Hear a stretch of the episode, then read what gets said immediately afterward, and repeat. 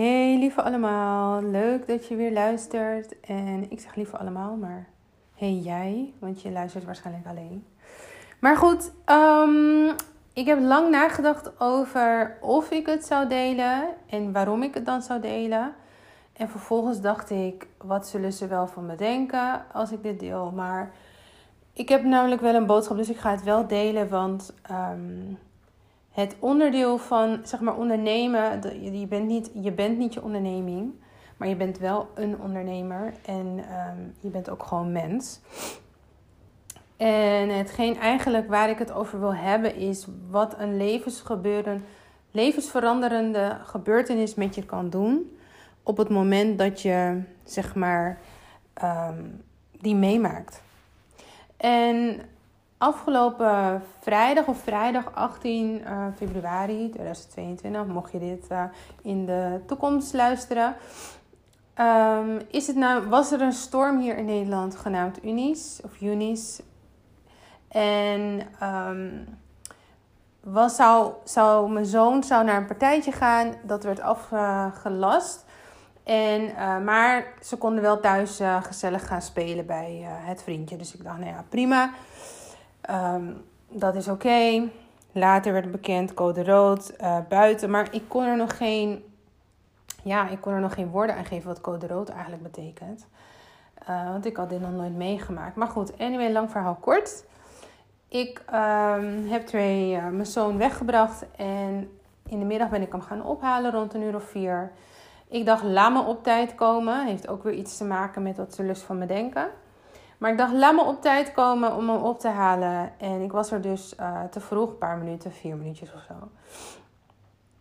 En uh, ik zei, Trey, kom, we gaan, uh, want dan gaan we oma ophalen. En, dus ik bel mijn moeder onderweg. Ik ben onderweg. Ik ben er zo meteen. En ehm, ik sta op de brug. Ik ben net niet eens een minuut weggereden. Ik sta op de brug. En opeens een gekletter op de auto. En het duurde echt drie seconden voordat ik door had wat er aan de hand was. En toen dacht ik, oh my god, een boom op de auto. En ik riep dus tegen Trey eruit. En vervolgens ging het zelf eruit. Laat me gelijk zeggen, er is niks met ons aan de hand. Geen schrammetje. En we zijn met de schrik vrijgekomen. En de reden waarom ik twijfelde om dit verhaal te vertellen is omdat ik dacht van ja, er zijn mensen die één iemand in mijn omgeving heeft gezegd van waarom ben je nou naar buiten gegaan, want het was toch code rood. Maar los daarvan wil ik deze, wil ik je door mijn proces heen halen, of wil je door mijn proces heen brengen van de afgelopen vier dagen. De dag dat ik dit opneem is het maandag 21 uh, februari. En als je het voor het eerst hoort, is het dan dinsdag de 21ste. Eerste wat in me omging, dacht ik: oh nee, mijn moeders auto. Dat dacht ik. Nou, ik dacht niet, oh nee, ik dacht, oh shit, mijn moeders auto. En dat was het eerste wat door me heen ging. Vervolgens was ik alle. Ik stond te trillen op mijn benen van de schrik. Dat was vrij snel voorbij toen ik door had, wauw, oké. Het is voorbij, maar wat nu? Ik was een beetje flabbergasted. Er waren echt lieve mannen uit de auto gesprongen. Om ook een andere mevrouw uit haar auto te bevrijden. Want die kon er helemaal uh, zelf niet uit. Want die stond nog dichter bij de boom. Die was omgevallen. En um, nou, uiteindelijk stond ik daar dus al een uur en een kwartier in de kou voordat de sleepdienst er was. En toen pas kon ik een kaartje nemen, wist ik waar die heen ging en kon ik naar huis. Gelukkig um, ben ik naar huis gebracht door mijn broertje. En dan kon ik een warme douche nemen. En al die tijd was ik in overlevingsstand, adrenaline door mijn lichaam heen. Ik had geen jas aan. Mijn moeder is een jas komen brengen. Uh, even. Ik had wel een gebreide jurk aan, maar ik had het gewoon niet koud. Het was heel raar. Pas na drie kwartier begon ik het koud te krijgen. En ik kwam thuis. En op een gegeven moment dacht ik: Oh, ik heb niet eens bedankt. Van oh god, ik leef nog. Dus dat deed ik even. Um, omdat ik dus uit de auto moest schuiven, um, dacht ik dat ik misschien wat scherven aan de achterkant van mijn benen had. Uh, maar dat was gewoon de panty die gescheurd was en die bleef haken. Voor de rest helemaal niks aan de hand. Dus ik ben gaan douchen. En pas toen ik op de bank zat, drong het tot me door hoe, hoeveel duizend en één andere scenario's die zich hadden kunnen afspelen. En dat ik echt gezegend ben dat ik op deze manier uit die auto kon stappen. En nou ja, ik heb het toegelaten die avond. Ik voelde emoties, maar ik, kon, ik wilde daar niet aan toegeven op dat moment, omdat mijn zoon nog, uh, ook gewoon nog wakker was. En ik dacht, nou ja, later in bed gebeurt het wel, maar het gebeurde niet. Het hele weekend niet eigenlijk. Maar de volgende ochtend uh, ging ik op Instagram en toen zag ik dus. Um, zag ik, en ik ga ergens heen met mijn verhaal. Maar op Instagram zag ik dus allemaal filmpjes en foto's van andere bomen die om waren gewaaid. Of mensen die eigenlijk het erger hadden getroffen dan ik. Waaronder dus een auto waarvan de stam precies op de boom. Uh, nee, waarvan de boomstam precies op de plek waar de, de persoon uh, zat was gevallen. En nou ja, al die andere mensen die het niet hebben overleefd, deze storm. En toen dacht ik, wauw, ik lig in mijn eigen bed. Want ook al had ik het overleefd, ik had ook in het ziekenhuis kunnen liggen. Eh, de takken hadden door de auto kunnen gaan. Ik had wat aan mijn gehoor kunnen hebben, aan mijn ogen, aan mijn zicht, aan mijn. Elk letsel had ik kunnen oplopen. En um, toen besefte ik me weer van oké, het gaat helemaal niet om die auto. Kan ons die auto's bommen eigenlijk? Ik leef, Trey leeft, we zijn gezond. En ja, we zijn nog even geschrokken, maar voor de rest, that's it. En niet dat, dat, uh, dat ik dat wil bagatelliseren, maar ik begon van waarom gebeurt dit naar uh, te bewegen naar waartoe leidt dit. En dat heb ik wel altijd geleerd. Maar wanneer je midden in dat ding zit, kan je soms nog vast blijven zitten in het waarom. Waarom is dit gebeurd? Waarom nu? Waarom? En ik switchte dus naar waartoe leidt dit. En gaandeweg het weekend en maandag uh, kreeg ik dus antwoord op deze vraag. En vorige week heb ik dus gedeeld uh, via Instagram, via een post. En volgens mij heb ik het ook op LinkedIn gedeeld. Uh, dat ik vanaf nu, dat, of nee, dat 2022 het jaar is waarin ik het woord, mijn thema woord voor 2022 is unapologetically. En nu pas kan ik vertellen dat dat, of nu pas snap ik, of nu pas realiseer ik me dat het in het Nederlands zonder verontschuldigingen vertaald is. Dat je zonder verontschuldigingen je leven leidt, je visie uitvoert voor jouw leven, voor je onderneming. En dat je dus zonder chaîne. Dat is dat je de chaîne voorbij bent om te gaan doen waar jij het meeste in gelooft. En waar je de meeste passie voor hebt, waar je het beste in bent, uh, waar je van houdt, wat je missie is, waar je van vindt dat jouw wereld en de mensen eromheen uh, veranderen. En waarbij jij dus verandering teweeg kan brengen bij anderen. En waarvoor je betaald kan worden, alles bijeenkomt. En Vanochtend zat ik bij mijn eigen coach in de. Ze start elke ochtend op met een uh, Facebook Live in de Facebookgroep.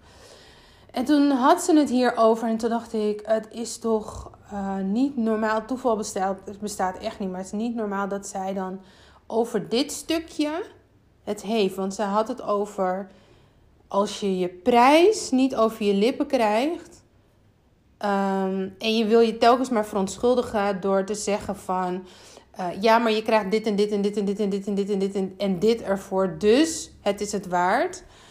Um, dan moet je daar niet aan werken. Want dan doe je dat bijvoorbeeld ook in je privé. Dat je constant jezelf aan het verklaren bent. Of aan het verontschuldigen bent.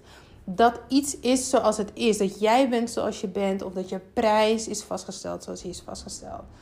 En toen kwam het allemaal bij elkaar. En toen kon ik bij mijn emotie. En toen dacht ik, oh, ik moet over 10 minuten met de klant in gesprek ik kan dit nu niet hebben. Maar ik heb het even gelaten, droogde mijn traantjes. Ik heb thee gezet, water gezet. En ik heb mijn klantgesprek gedaan. En ik vond het zo fantastisch, want ik kreeg zoveel energie. En ik heb een uh, geweldige coaching sessie gehad met mijn klant.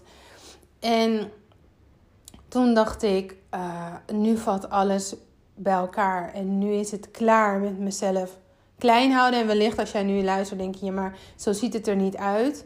Alleen, ik weet dat, er, dat ik nog meer unapologetically, nog meer zonder te verontschuldigen, mezelf kan en mag zijn. Um, en dat ga ik vanaf nu ook laten zien. Om jullie te inspireren, maar ook om jullie te helpen. Want als ik niet uitstap om te gaan doen wat ik moet doen, zijn er mensen die niet geholpen kunnen worden. Want ik geloof echt dat er mensen zijn die pas geholpen worden met hun probleem op het moment dat jij uitstapt. En als jij niet uitstapt, dan neem je je verantwoordelijkheid niet om die personen te helpen. En dat is alles wat ik geloof dat te maken heeft met je purpose vinden en volgen. Want je purpose is geen bestemming. Maar je purpose is een reis en die verandert en die, die wordt telkens een beetje getweakt. Alleen de kern en de essentie blijft hetzelfde, want het hoort bij wie jij bent. En voor mij was het dus eerst uh, budgetcoaching, schuldhulp verlenen, allerlei soorten taken daarin kunnen groeien. Kwaliteitstoetser uh, en coach en opleid, trainees opleiden, uh, projectleiderschap. En toen was het klaar. Daar was de, de, stopte de groei. En hoe kon ik dus al mijn vaardigheden die ik heb geleerd um, op gebied van financiën, maar vooral ook strategieën. Want ik had ook ik had het nodig om strategisch mijn brieven op te stellen zodat schuldeisers akkoord gingen. Uh, waardoor mijn slagingspercentage hoger was dan dat van sommige collega's.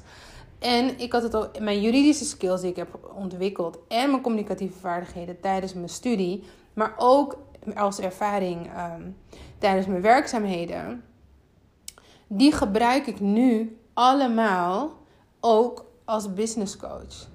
En ik probeer dus, of nee, wat ik, ik probeer het niet. Wat ik doe met mijn klanten is dus om alle skills, alle vaardigheden, alle competenties, alle talenten en gaves die ze hebben, bij elkaar op, um, op een, ja, bij elkaar te brengen en te kijken hoe je daarmee je geld kan verdienen. Zodat je kan doen waar je echt het allerleukste, het allermeeste plezier van hebt op dit moment. Maar alles wat je dus bij mij leert in het uh, traject in 15 weken, het fundament voor je business, kan je toepassen op elke andere business die je in de toekomst gaat starten.